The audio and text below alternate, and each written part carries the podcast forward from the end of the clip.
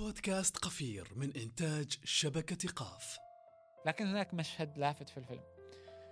آه المشهد إنه عندما كانوا الفدائيين مع الرهائن في غرفة واحدة أثناء الاعتقال كان أحدهم كانت كان الراديو في أغنية أغنية باللغة العبرية. وقف الفدائي الفلسطيني وغير الأغنية إلى أغنية حط أغنية عربية. أغنية فيها دبكة وكذا. ثم عصب الإسرائيلي وحط أغنية إسرائيلية. في الآخر جاء واحد من بينهم كلهم وحط أغنية باللغة الإنجليزية. لا باللغة العبرية ولا باللغة الإسرائيلية.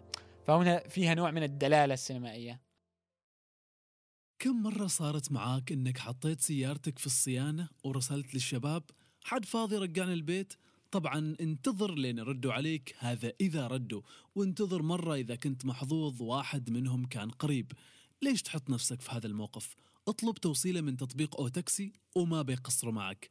حمل التطبيق واحصل على تخفيض 25% إذا استخدمت كود الخصم الخاص ببودكاست قفير Q A F E R 2021 مرحبتين. ما حدث في فلسطين ما بين 10 و 21 مايو 2021 أعاد القضية الفلسطينية للواجهة ما فقط في الإعلام العربي ولكن في أذهان الشباب العربي خصوصا على منصات التواصل الاجتماعي وهو اللي وسع دائرة التأثير ليشمل مشاهير من العالم لينضموا لواحدة من أقوى حملات التضامن مع القضية الفلسطينية. في هذه الحلقة ينضم لنا الكاتب والشاعر سالم الرحبي وهو مؤسس لمبادرة سلوان على منصات التواصل الاجتماعي.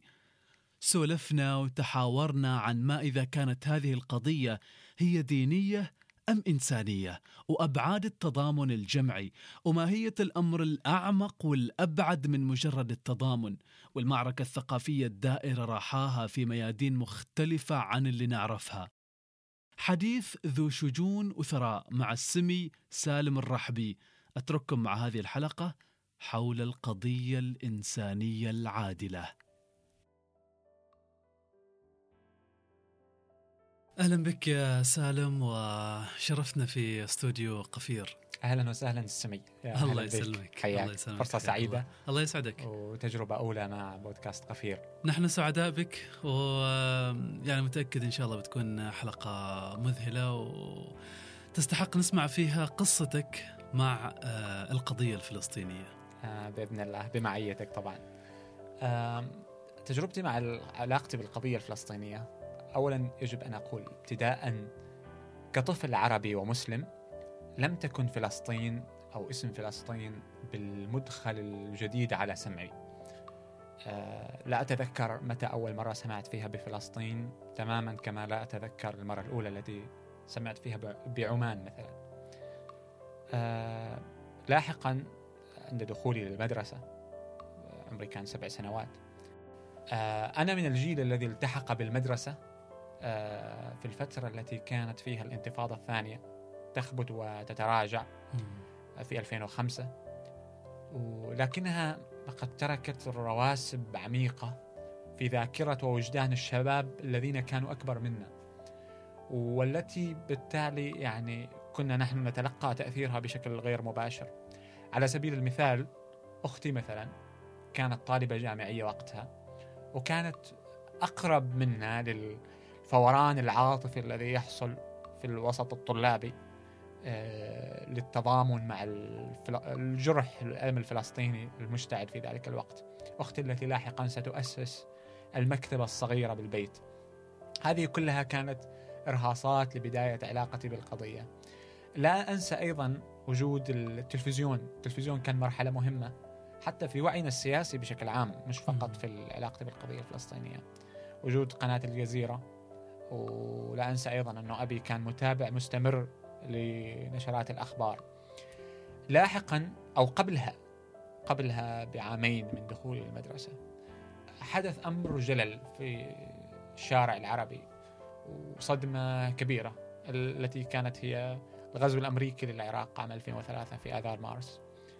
هذه ستعيد أو ستضيف بعدا جديدا وأشمل للقضيه الفلسطينية. آه، كونها صراع عربي يتجدد من جديد فكرة إنه الصراع العربي مع القوى الاستعمارية الكبرى وأن العرب والمسلمين هم الضحية المباشرة ليس الفلسطينيين وحدهم الضحية المباشرة لهذا المشروع الكوني الكبير.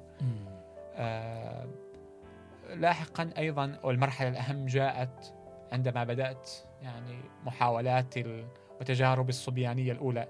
الكتابة والتي ما زالت صبيانية بالمناسبة. آه كتابة الشعر والقراءة.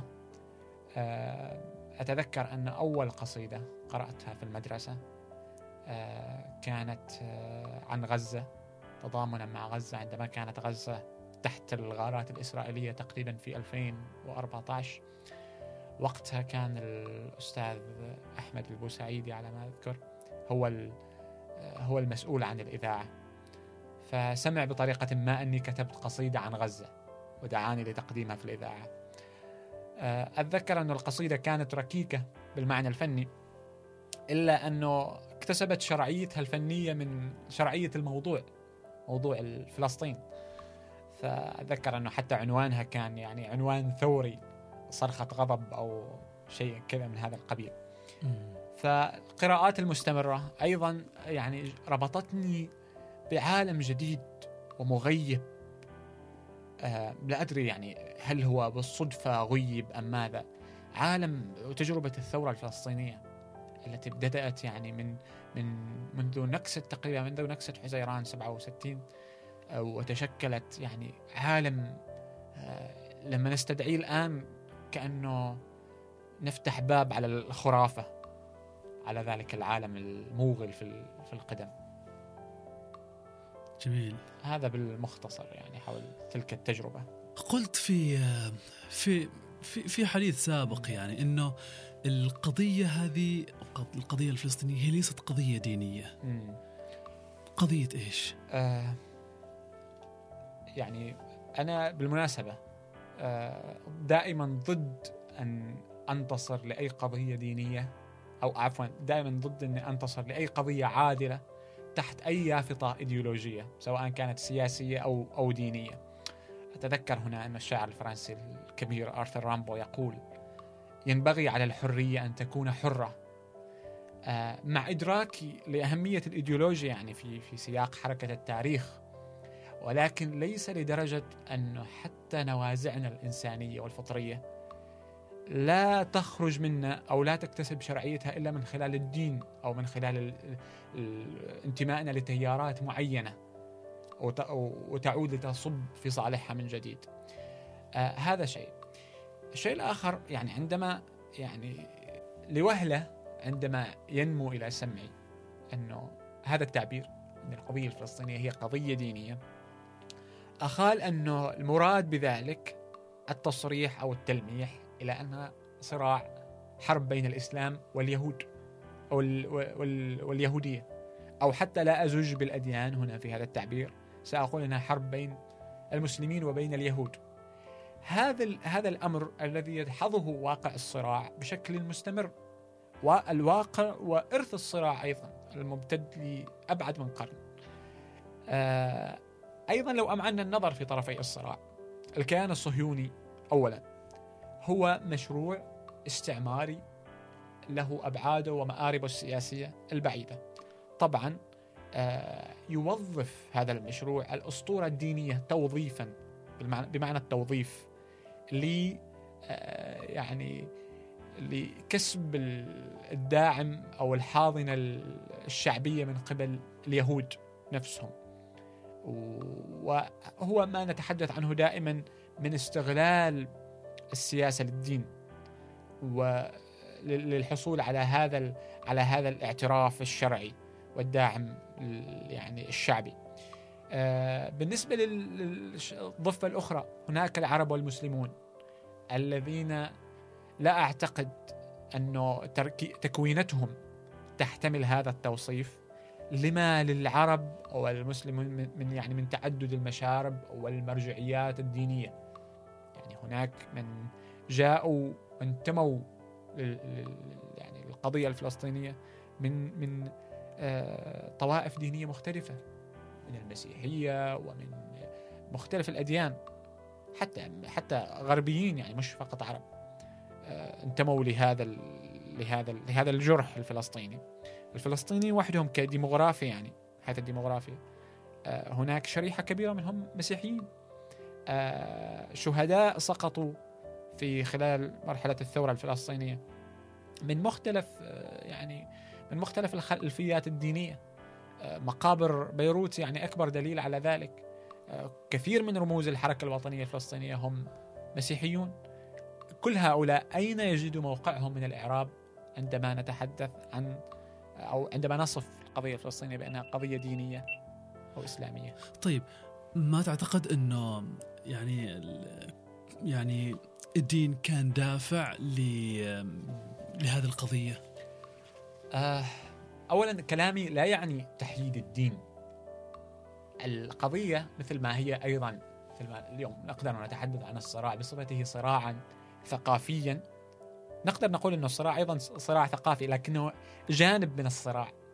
هناك هناك حرب ثقافية تدور داخل الصراع الكبير اللي هو صراع سياسي أصلا. الدين كذلك هناك صراع ديني. صراع ديني. لكن ليس لدرجة أن أن الصراع يدور حول من هو الذبيح آه، إسماعيل أم إسحاق. الفكرة هي أنه هناك مشروع. مشروع أداة غربية استعمارية. مشروع إحلالي تدعمه قوى غربية لتحقيق وإقامة دولة إسرائيلية أو دولة لليهود. في في هذا في هذا في هذا المكان من العالم. آه كذلك يعني من المهم التوضيح أنه الدين هو يعني عامل من عوامل الحشد المهمة. مثل ما أدرك ذلك يعني كان الصهيوني أدرك ذلك في بداية الأمر يعني. عندما استغل الدين واستغل الأسطورة التوراتيه من أجل الحشد. كذا يعني مثلا في تجربة الحركة الوطنية الفلسطينية عندما مثلا قامت فتح حركة فتح. أدركت ذلك أدركت أهمية الدين من من البداية. فحرصت على يعني آه، أن أن تستقطب الكثير من العلماء المسلمين لكي لتكسب العمليات الفدائية شرعيتها ويكسب آه، النضال يعني بعدا دينيا لأهمية هذا البعد. ولكن ليس لدرجة أن نقول أن الصراع هو في جوهره صراعا دينيا. يعني هذا من من يعني يأتي من قراءة يعني واهية للتاريخ حتى لما نعود لقراءة مثلا مسألة الحروب الصليبية والحروب التي دارت حول التاريخ حتى, حتى يعني في التاريخ حتى لو كانت تحمل شعارات دينية. يعني طالما كان الدين يعني أداة في يدي السياسيين. هذا في هذا في هذا الصدد. هل لهذا الوصف اللي تطلقه على هذه القضية دور في يعني في كسب تأييد منهم غير المسلمين؟ بطبيعة الحال هذا هذا يعني هذا هذه نتيجة مهمة نتيجة مهمة ل يعني لأنه قلت سابقا الوصف وصف القضية الفلسطينية بأنها قضية دينية تحدد وتحجم تحجم هذه القضية يعني لما أنت تقول إنه القضية الفلسطينية قضية دينية أنت بالضرورة تقول إنه قضية إسلامية. يعني خاصة عندما يأتي من من نسمع هذا رائجا كثيرا في الخطاب الإسلامي في الخطاب الديني الإسلامي. فأنت هنا تحجم الصراع وتحدده بدل ما تفتحه لأفق الإنسان الأرحب والأبعد. وهذا هذا ما يفسر ربما التعاطف شريحة كبرى من العالم اليوم من العالم الغربي مع القضية الفلسطينية. جميل.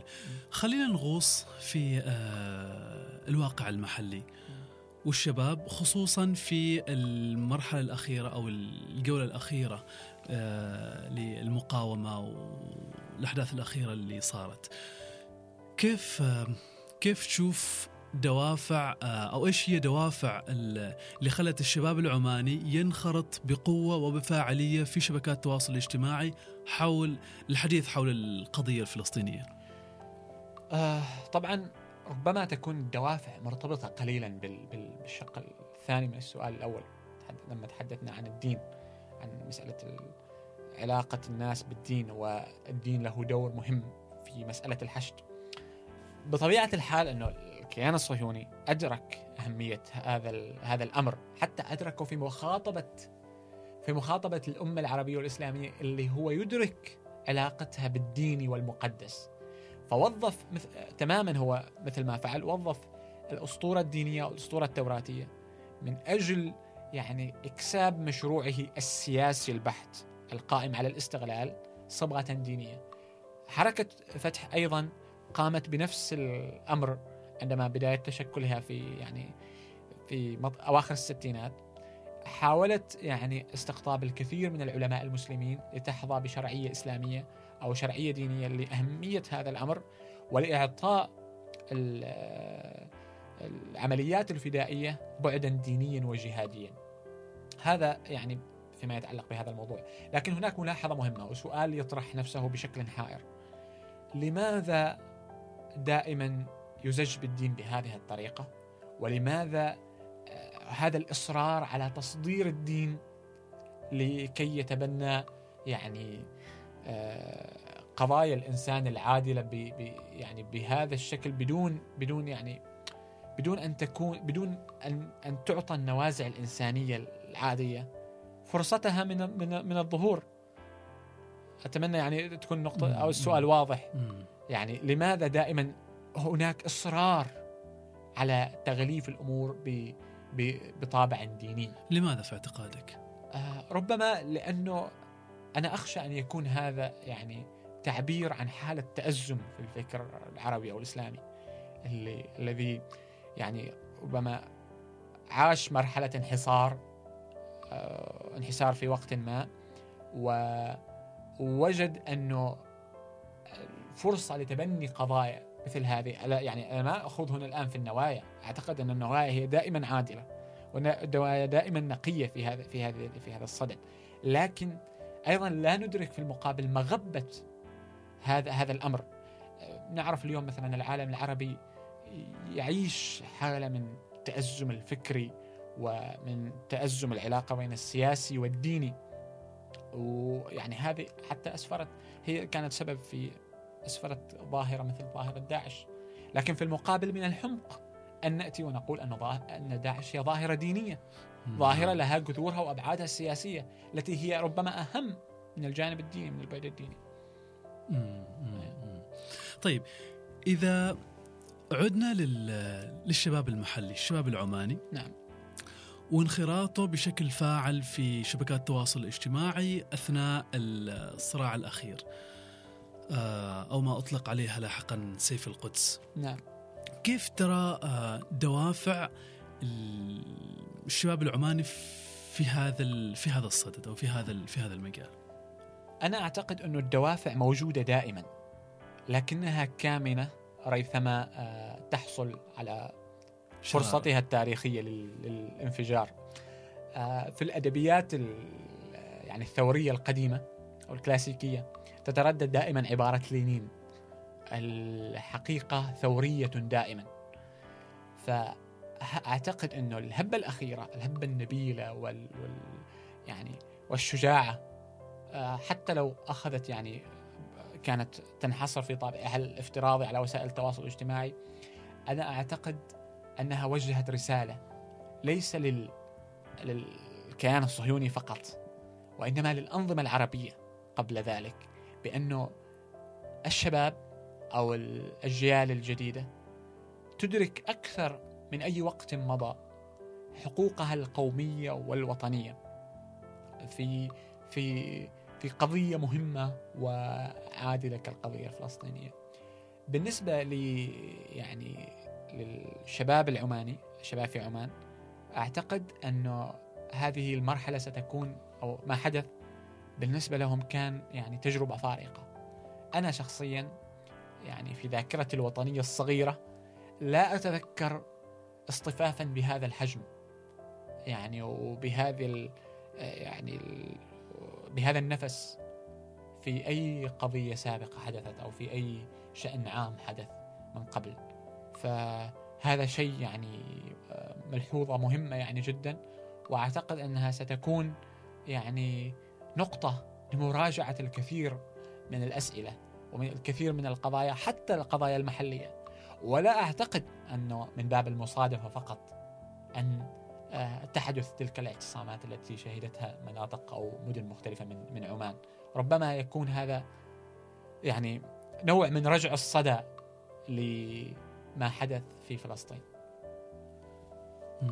طيب كيف تصف مستوى الحوار على على المستوى المحلي في هذا في هذا الشأن؟ آه، أعتقد مثل ما قلت سابقا إنه كون آه، القضية الفلسطينية عاش آه، يعني مرت بمراحل تغييب نوعا ما تغييب من المنهاج المدرسي تغييب من من الصحافة الرسمية تغييب من الإعلام أثر هذا الشيء يعني بأبعاد يعني ملموسة وواضحة في ألو... في وعي الشباب.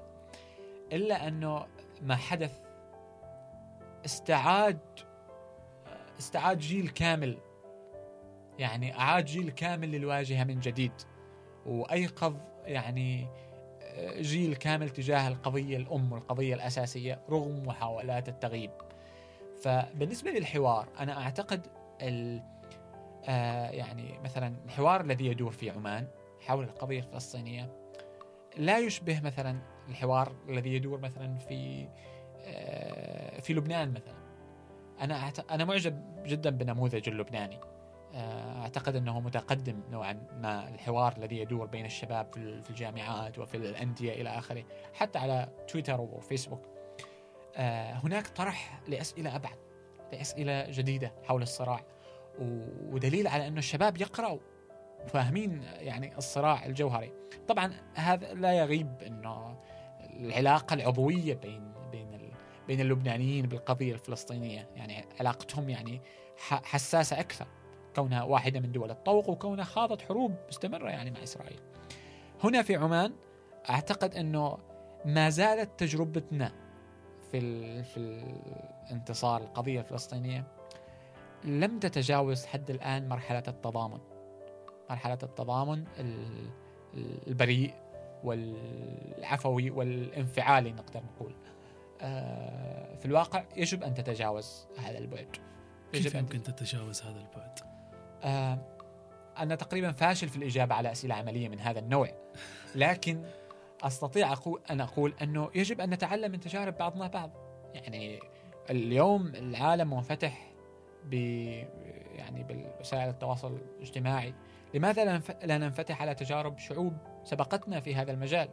آه، مثل ما ذكرت قبل قليل تجارب الكثير من الشباب اللبنانيين. بالمناسبة لبنان يعني بالرغم من أنها كانت مرحلة يعني مهمة وفاصلة في معظم يعني القيادات الفلسطينية والنخب الفلسطينية كذلك هي يعني كانت آه، مخرج مهم للكثير من الحركات وال يعني التجارب المهمة حركات مقاطعة التطبيع مثلا خرجت من لبنان. فهذه تجارب يجب أن نتعلم منها ونستفيد ونستغل يعني الوسائل التقنية المتاحة والتواصل المتاح يعني يوميا بين يعني العالم العربي من المحيط إلى الخليج. هذا الشيء يعني راح يثمر لاحقا في تجربتنا في انتصارنا للقضية الفلسطينية لأنه يجب أن نتجاوز كلمة التضامن أعتقد أنه كلمة التضامن خلاص أصبحت كلمة مريضة استهلكت وكررت بما يكفي ولازم نتجاوزها لما هو أبعد منها لمفرده وكلمة أبعد منها لمرحلة انتصار آه، ثقافي أو حتى مادي بما هو متاح من أجل يعني نصرة هذه القضية التي نحن عدنا من جديد لنقول أنها هي قضيتنا الأولى وقضيتنا المركزية. جميل. جميل بما أنك تحدثت عن عن الشباب العربي أو الشارع العربي هل تعتقد أن هناك تشابه ما بين الدوافع اللي موجودة عندنا في عمان لدى الشباب العماني وما بين دوافع لدى الشباب العربي في الانتصار لهذه القضية؟ آه يعني واحدة من يمكن من أهم الدوافع هي إنه الشباب في العالم العربي يعيش نوع من الاكتئاب السياسي الذي سببه غياب المشاركة السياسية الحقيقية في في القرار. وليس أدل من ذلك يعني أكثر من قرارات واتفاقيات التطبيع التي تعلنها الأنظمة العربية علنا يوميا بدون أي انتباه لغضب وسخط الشعوب العربية. وكان هذه الشعوب ليست يعني ملغية من المعادلة تماما. فهناك نوع من الاحتقان موجود لدى الشباب. وسخطهم تجاه أنظمتهم المباشرة أنظمتهم الأساسية المحلية يعني يذكرهم دائما بالصراع العربي الإسرائيلي بأن هناك في صراع أكبر وأنه هذه الأنظمة يعني ربما تكون جزء أو حجر في في في طريق النضال من أجل فلسطين. وتصل بعضها إلى أن تكون أداة من, من الأدوات يعني الاستعمارية بعد ما يعني قامت الدولة القطرية الحديثة في العالم العربي. فأعتقد أنه الاكتئاب السياسي الذي يعيشه الشاب العربي هو عامل مشترك في الوطن العربي. وأنا قلت سابقا أنه القضية الفلسطينية آه، تمارس أو انتمائنا للقضية الفلسطينية يمارس نوع من النقد الذاتي آه، في علاقتنا بأنظمتنا في علاقة مثلا الشارع بالمثقف في علاقة المجتمع بالسياسي إلى آخره. فهذه واحدة من يعني من التغذيات الراجعة من صح التعبير بأنه القضية تعيد علاقتنا أو ضبط علاقاتنا بال بكثير من الأنظمة أو كثير من المؤسسات أو كثير من فئات المجتمع من حولنا. هذا يعني من حيث إذا تحدثنا عن المشترك. أذكر في أحد المرات نسيت كاميرا رقمية في تاكسي وأنا مسافر. للأسف ظليت متحسر بدون ما تكون عندي أي قدرة على استرجاع الكاميرا. ومثل ما تتوقعوا تحسفت على الصور الثمينة اللي صورتها في ذيك السفرة. هذا الموضوع ما كان بيحصل لو كنت مع تطبيق أو تاكسي. سياراتهم نظيفة والسائقين معاهم مدربين. وأهم شيء إذا نسيت أي غرض في سيارتهم بيرجعوها لك. رابط التطبيق في وصف الحلقة. استخدم الرمز QAFEER 2021 واحصل على تخفيض 25% على التوصيلة. طيب الآن اليوم في هذه الأحداث الأخيرة تحديدا الموضوع ما اقتصر على الشارع العربي ولا الشباب العربي. الموضوع صار أكبر من ذلك. صار هناك مشاهير على مستوى العالم يعني آه، لاعبين كرة قدم فنانين فنانات آه، دخلوا بشكل مباشر وربما في صراعات مع آه، مع مؤسساتهم أو المؤسساتهم الراعية أيوة. في في تبنيهم لهذه القضية أو في تعاطفهم مع هذه القضية. كيف تصف هذا المشهد؟ هل هو مشهد أصلا مكرر لمشاهد سابقة ولا هذا الأمر يحدث أصلا لأول مرة؟ ما أعتقد إنه الأمر غريب تماما إلا أنه ظهر بشكل جلي أكثر هذه المرة. ربما يعني إن اختصرت الإجابة سأقول السبب هو فجور الحقيقة. الحقيقة أصبحت واضحة وفجه الوضوح. آه كما أنه يعني تغلب ال الوعي الفردي على الوعي الجماعي الذي كان يتعرض لل أو يتلقى المعلومة من قبل القنوات الرسمية اللي كانت مدجنة ومؤدلجة آه، صهيونيا. آه، يعني تاريخ القضية الفلسطينيه مليء بتجارب يعني بتجارب غربية أشخاص آه، مثقفين فنانين ارتبطوا بالقضية الفلسطينية. على سبيل المثال جان جيني اللي هو كاتب وشاعر فرنسي ولديه كتاب مهم اسمه أسير عاشق كتبه إبان وجوده مع في المخيمات الفلسطينية في الأردن. فهذه ظاهره ليست يعني جديدة إنما اليوم ظهرت بشكل جلي أكثر لما ذكرت سابقا هو تغلب الوعي الفردي على الوعي الجماعي الذي كان يعني يتلقى يتلقى الأفكار بصورة جماعية من قبل منظمات ومؤسسات تقوم تمسك بزمام الصحافة والإعلام في الغرب وذات يعني مرجعيات صهيونية سواء كانت بشكل مباشر أو أو غير مباشر. طيب كيف يمكن لنا أن نستغل اليوم هذا هذا الحراك العالمي إن صح التعبير؟ آه، اولا آه، الاستغلال يجب أن يكون آه، كل يستغل هذا الحدث من من موقعه كان ممكن أقول إنه أتمنى من الأنظمة السياسية أن تستغل الحدث بس الأنظمة لا يبدو أن الأنظمة السياسية ما تمشي مع شعوبها على نفس الخط خاصة في هذا ال... في هذا ال... يعني الموضوع. آه... الأهم هو المحرك الأساسي يعني الشارع. أثبت الشارع من جديد فاعليته في هذا الشأن. وبالتالي فإنه المسؤوليات عليه جسام أنا أعتقد إنه أكبر انتصار إنه كسبنا جيل يعني. كسبنا جيل كما قرأت في يعني في أحد التغريدات. إنه كسبنا جيل جديد كان ممكن آه يعني أن تميع الق- القضية في في ذهنه أو حتى تغيب بشكل بشكل نهائي. فما يحدث اليوم مثلا هذا الحوار واحد واحد من من الوسائل التي ممكن أن نستخدمها في إعادة الانتباه من جديد للقضية الفلسطينية وأيضا هناك لازم تكون في شراكة فعالة بين الأفراد والمؤسسات يعني العمل من أجل فلسطين يجب أن يتجاوز الفعل العادي أو يعني ردة الفعل. وأن يتجاوز العمل الفردي إلى عمل عمل منظم عمل مؤسساتي في شراكة بين. بين الفرد وبين المؤسسة ومن أجل أيضا ابقاء يعني الانتباه إلى القضية الفلسطينية ما متعلق فقط ب... بأحداث يعني تأخذ زخما اعلاميا كالأحداث الأخيرة التي صارت في فلسطين. الحدث في فلسطين موجود يوميا. المناسبة موجودة يوميا. لا يحتاج المرء إلى مناسبة ليتعاطف مع فلسطينيين.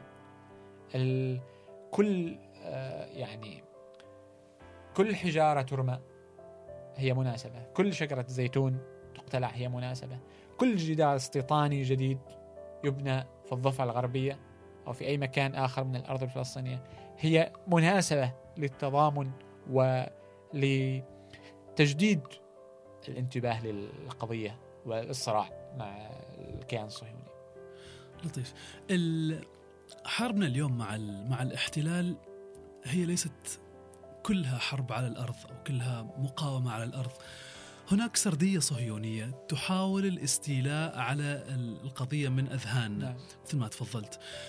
آه اليوم إحنا كشباب عرب كيف يمكن أن نحمي أنفسنا من هذه السردية اللي هي موجودة في يعني في كل مكان م. أصبحت تصل لبيوتنا من غير أن نشعر.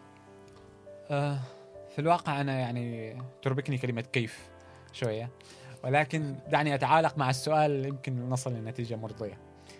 آه في مخرج آه عراقي مخرج عراقي اسمه قاسم حول هذا المخرج أنتج واحد من يعني من أهم الأفلام تقريبا في عن فلسطين فيلم عائد إلى حيفا المأخوذ عن رواية الكاتب الفلسطيني الكبير غسان كنفاني يقول في إحدى يعني محاضراته إن هرتزل في المؤتمر الصهيوني الأول. المؤتمر الصهيوني الأول نتكلم يعني عن سنة 1897 أواخر القرن التاسع عشر. أدرك أهمية يعني اختراع الأخوان مولير لما اخترعوا يعني التصوير الفوتوغرافي المتنقل أو التصوير تصوير الفيديو. كان يعني كانوا مؤسسين لاختراع السينما. أدرك أهمية هذا الاختراع الجديد. ال... وأسس لجنة منذ المؤتمر الصهيوني الأول تخيل. أسس لجنة سينمائية لاستغلال هذا الفن الجديد في الدعاية للدولة الصهيونية المزعومة دولة إسرائيل التي ستنشأ. فلاحظ انتباههم من تلك الفترة وبالفعل أنشئت أفلام تسجيلية عن عن عن الحياة في فلسطين أنه فلسطين لا توجد هناك حياة ولا يوجد هناك أيضا على قولة جولدا مائير لا يوجد شيء اسمه الشعب الفلسطيني وهذه أرض بلا شعب.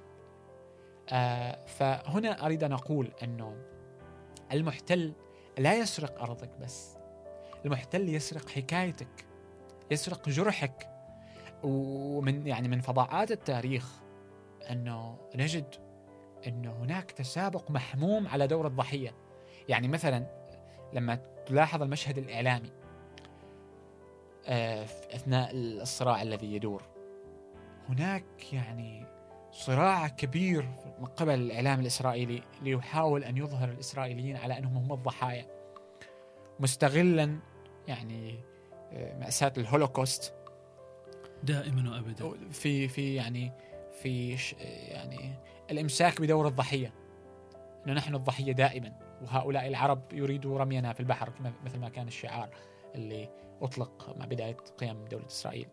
هؤلاء البحر هؤلاء العرب يريدوا رمينا في البحر. و فهذه هذه هذه النقطة مهمة جدا أن ندرك أن المحتل يعني يسرق منك الجرح حتى ويتبناه ليكون هو الضحية. آه، أتذكر هنا محمود درويش قال عبارته على غرار العبارة التي نسمعها أنه الأرض لمن يعني الأرض لمن يحرثها أو الأرض لمن يبنيها. هكذا يعني قالوا الصهاينة لما سلبوا الفلسطينيين أراضيهم أنه هذه الأراضي غير معمرة ولا يملك لا يملك الفلسطيني فيها أي حق مدني أنه ما استعمرها والأرض لمن يحرثها. محمود درويش قال من يكتب حكايته يرث أرض المكان. إذا يعني الصراع أيضا هو صراع سردي. صراع على الإمساك بالحكاية وكتابتها قبل أن يتبناها الآخرين. في فيلم آه، أنتج سنة 2007 تقريبا آه، اسمه ميونخ. كان حول العملية التي نفذتها آه، جماعة أيلول الأسود في في ميونخ في فترة الألعاب الأولمبية. الفيلم لم يجد من يرويه عربيا روي بطريقة أمريكية. أعتقد شركة أمريكية التي أنتجت الفيلم. وطبعا أكيد لها واصر وثيقة بالصهيونية. فكانت الرواية هي أن هؤلاء العرب إشرار ووصفهم بأنهم إرهابيين وكذا. لكن هناك مشهد لافت في الفيلم. آه المشهد أنه عندما كانوا الفدائيين مع الرهائن في غرفة واحدة أثناء الاعتقال كان أحدهم كانت كان الراديو في أغنية أغنية باللغة العبرية. وقف الفدائي الفلسطيني وغير الأغنية إلى أغنية حط أغنية عربية أغنية فيها دبكة وكذا ثم عصب الإسرائيلي وحط أغنية إسرائيلية. في الآخر جاء واحد من بينهم كلهم وحط أغنية باللغة الإنجليزية. لا باللغة العبرية ولا باللغة الإسرائيلية. فهنا فيها نوع من الدلالة السينمائية على أنه قد تكون هناك في لغة مشتركة يصل لها الطرفين. ليست بالضرورة لغة هذا أو لغة هذا. هذا هذا يعني جانب هامشي. آسف لأني شطحت شوية تحدثت عن الفيلم أكثر. فأريد آه، أن أقول أنه الرواية مهمة. كتابة الرواية العربية يعني هذا شيء أعتقد أنه ما مورس بشكل احترافي ومؤسساتي إن صح التعبير. كانت هناك تجارب أفراد وتجارب مهمة جدا. منذ غسان كنثاني إلى الإيميل حبيبي إلياس خوري. كتبوا عن فلسطين وأرخوا يعني مثلا إلياس خوري كتب عن النكبة الفلسطينية. وهو من الذين يرون بأن النكبة الفلسطينية لم تتوقف عند 48 النكبة الفلسطينية ما زالت مستمرة. ما زالت مستمرة وتحدث. يعني قسطنطين زريق له كتاب اسمه معنى النكبة. أصدر بعد النكبة. الكتاب كتاب مهم جدا إلا أنه قسطنطين قسطنطين زريق كمؤرخ يتحدث عن النكبة بصفتها أنها حدثت في 48 فقط. وما وما تلاها هو هو يعني من آثارها ومن جزء يعني جزء من إقامة دولة إسرائيل. لكن في الواقع أن النكبة مستمرة يوميا. والمشهد الذي يتكرر الآن كما يحدث في الشيخ جراح وفي سلوان يعيدنا إلى ما حدث في النكبة من حالة التهجير والإحلال التي كانت تحدث. آه خلنا ننتقل للحديث عن الشأن الفلسطيني في الداخل. كيف يمكن وصف ما يحدث في فلسطين على أنه شأن عام وما هو شأن خاص؟ طبعا أنا طرحت هذا السؤال في مقالة لي ستنشر قريبا على مجلة الفلق. متى يكون الشأن الفلسطيني شأنا عربيا؟ ومتى يكون الشأن الفلسطيني شأنا فلسطينيا خاصا؟ هذه مسألة ملتبسة. آه لكن دعو دعنا نعود ل يعني سابقاتها التاريخية. عندما قامت منظمة التحرير الفلسطينية كانت تعاني من سطوة الأنظمة العربية على القرار الفلسطيني. وكان القرار الفلسطيني بالنسبة لهم يعني مثل صداعا لازم يجب الإمساك به. كثير من الأنظمة العربية مارست القمع ضد شعوبها تحت شعار دفاع الدفاع عن فلسطين وتحت شعار إنهم يعني على على حرب على في حالة حرب مع فلسطين. فأثبتت الأيام والتجارب أن كل هذه الشعارات كانت واهية وكانت كان الهدف منها الإمساك بالقرار الفلسطيني إيش علاقة هذا بذاك؟ إيش علاقة الإمساك بالقرار الفلسطيني ب لا الإمساك بالقرار الفلسطيني يتيح لهذه الأنظمة أن يعني تحظى بشعبية كبيرة كونها آه، على خط التماس أو يعني في حالة حرب مع إسرائيل مثلا النظام السوري آه، يعني آه، كان يستخدم فعليا اسم فلسطين ك ك يعني كذريعة لما يمارسه من قمع عسكري ضد شعبه على إنه يعيش حالة حرب يعيش حالة حرب مع مع إسرائيل. النظام الناصري كذلك. فالتجارب أثبتت إنه هذه يعني محاولات للإمساك بالقرار الفلسطيني وتحويل القرار الفلسطيني إلى أداة يومية. في يد هذه الأنظمة العربية وبطاقة تلوح بها. آه، جاءت منظمة التحرير لتقول أنه ينبغي على القرار الفلسطيني أن يكون قرارا فلسطينيا مستقلا. طبعا العرب استجابوا لهذه المنظمه العربية استجابت بطريقتها على هذا على هذا الكلام، قالت اذا إذا كان القرار الفلسطيني مستقل فنحن نرفع إيدينا عن القضية الفلسطينية ونترك لكم يعني نترككم وحدكم في وجه آه، يعني في وجه الصراع مع إسرائيل. فيا نحضر هذا هذه وجهة الانظمه العربية، يا نحضر بحيث ان نكون تكون لنا يد ونتدخل في القرار الفلسطيني بشكل سافر و أو إنه نغيب لا نحضر ولا ندعم ولا أيوه بالضبط. هذا يعني هذا هذا ليس جديدا. دائما ال يعني ال الضحية أو المهزوم يخسر خصوصيته خصوصيته الوطنية خصوصيته السياسية. ودائما ما يعني تكون الأيدي بسهولة يعني تدخل عليه. آه، أستعيد هنا مثلا تجربة ألمانيا الشرقية بعد عند بعد ما يعني دخلها الحلفاء وانقسمت وبعد مرحلة جدار برلين. كانوا الألمان في ألمانيا الشرقية يشعرون بأنهم مواطنين من درجة ثانية مقابل يعني تدخل السوفييت مثلا تدخل الغرب في في حياتهم المدنية اليومية. وكل أحد مستعد أن يقترح عليهم مشروع جديد مشروع سياسي جديد. ويعني ما في قرار وطني مستقل. فنؤكد هنا على ضرورة أيضا من, من هذا من ناحية الأنظمة. المشكلة أيضا يعني تتكرر بس بصيغة شعبية بحيث أنه نجد انه الكثير من يعني أيضا هذا الشيء يحدث بحسن نية. لكن على رأي سارتر أنه الطريق إلى الجحيم مليء مليء بالنوايا الحسنة.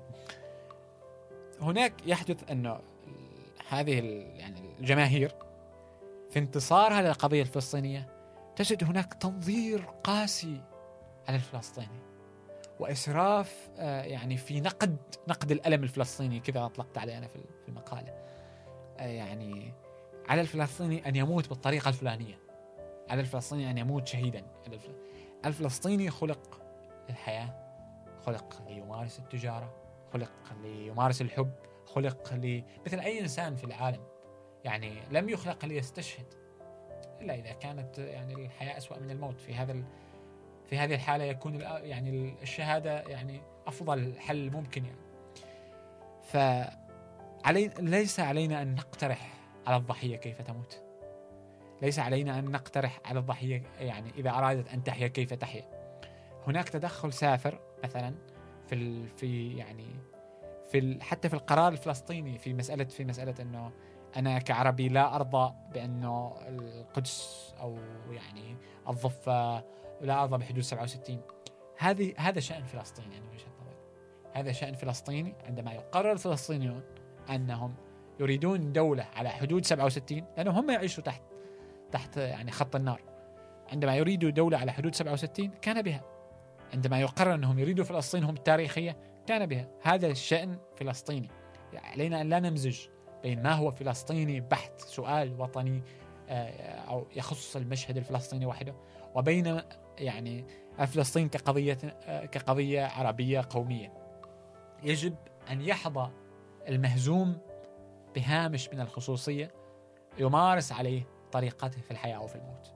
هذا باختصار. طيب ما هي مساحتنا إحنا كشعوب في الحوار بدون ما نتدخل في الخصوصية الفلسطينية؟ الهامش الإنساني أو المساحة الإنسانية. المساحة الإنسانية هي مساحة واسعة للتضامن وفقا لما تمليه علينا موازعنا الإنسانية الفطرية والطبيعية.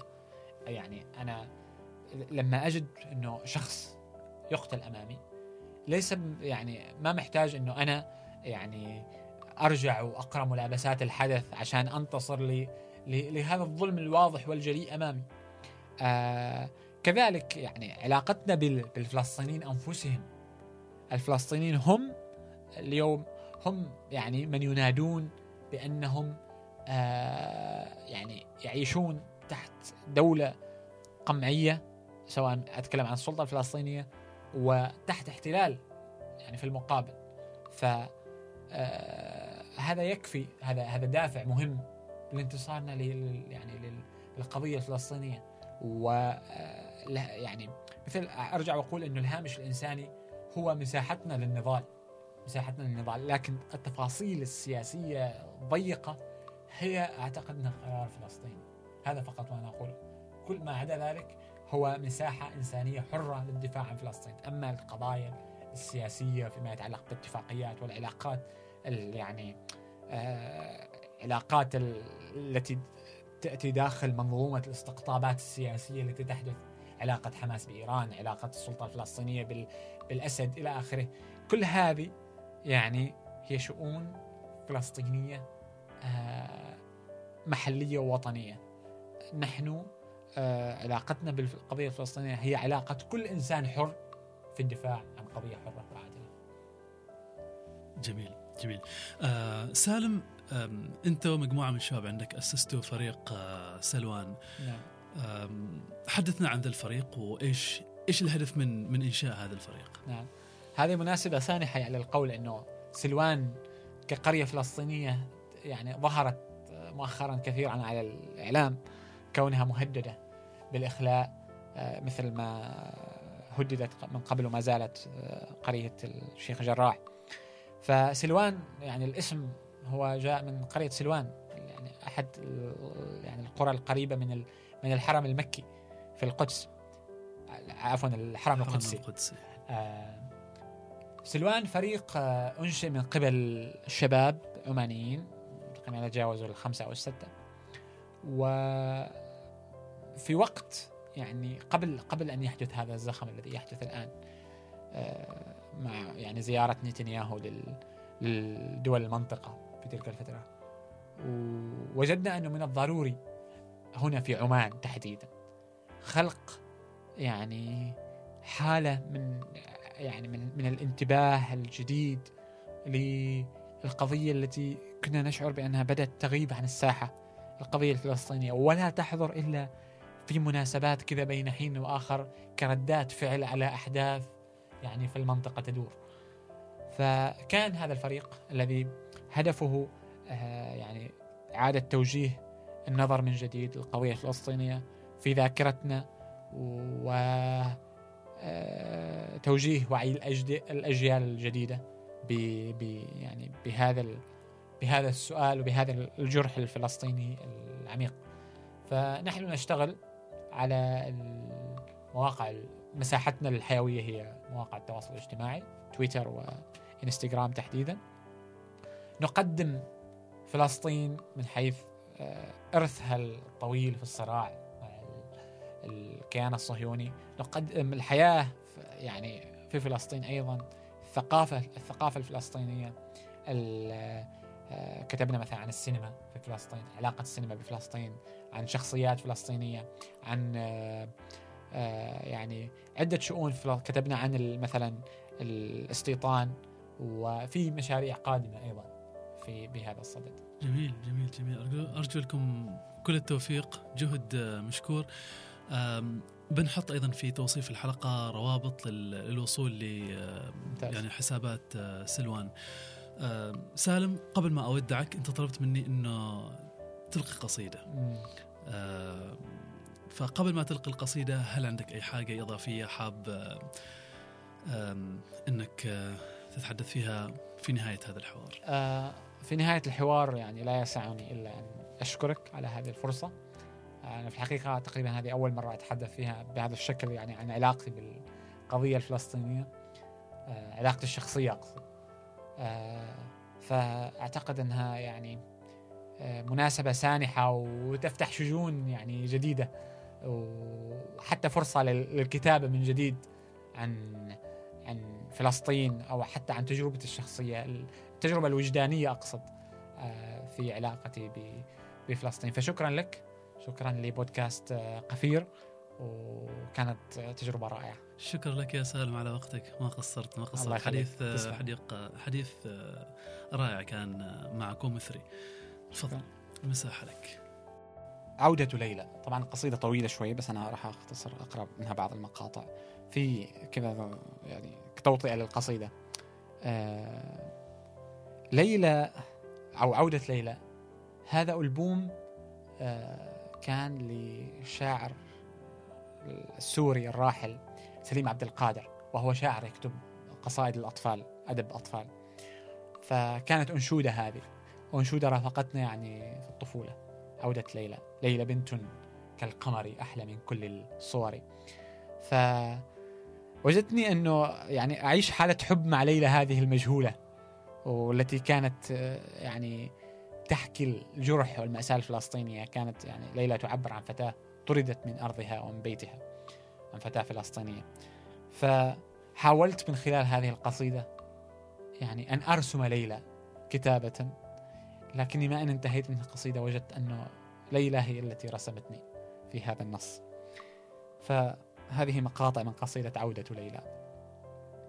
عشب يدير الريح ريح تنحني للعشب آثار لأقدام تقفي خطونا في الأرض. هل عدنا فأغمضنا مآقينا أمام تفتح الأزهار فوق الجرح. هل عدنا؟ فوزعنا مراعينا لرعيان شممنا في ملابسهم طفولتنا. وليلى لوحة مائية في خضرة الفلج المريضة عندما أسهو عن الماضي. تهجيني اللوائح ترشد القلب الضرير. إلى مكان القلب. تنساني لترسم نفسها إحدى سبايا القصر ليلة عرسها.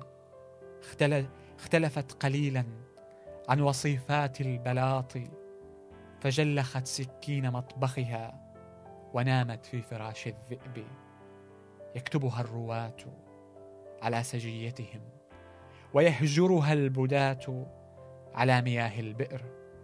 تملأ جرة مثقوبة بدموعها حتى اندلاع الليل بالأجرام. تختبر الصدى في الروح تفتح شرفة أخرى ليبتعد الصدى عنها صدى الموتى إذا عادوا ولم يجدوا مقاعدهم أمام المسرح المهجور. شكرا. يا سلام. انتظرونا في الحلقة المقبلة مع ملهم آخر في حوار جديد وموضوع مختلف. لطفا وكرما. لا تنسوا تحطوا تقييمكم على آي تيونز وتشاركوا الحلقة مع من تحبون. إلى اللقاء.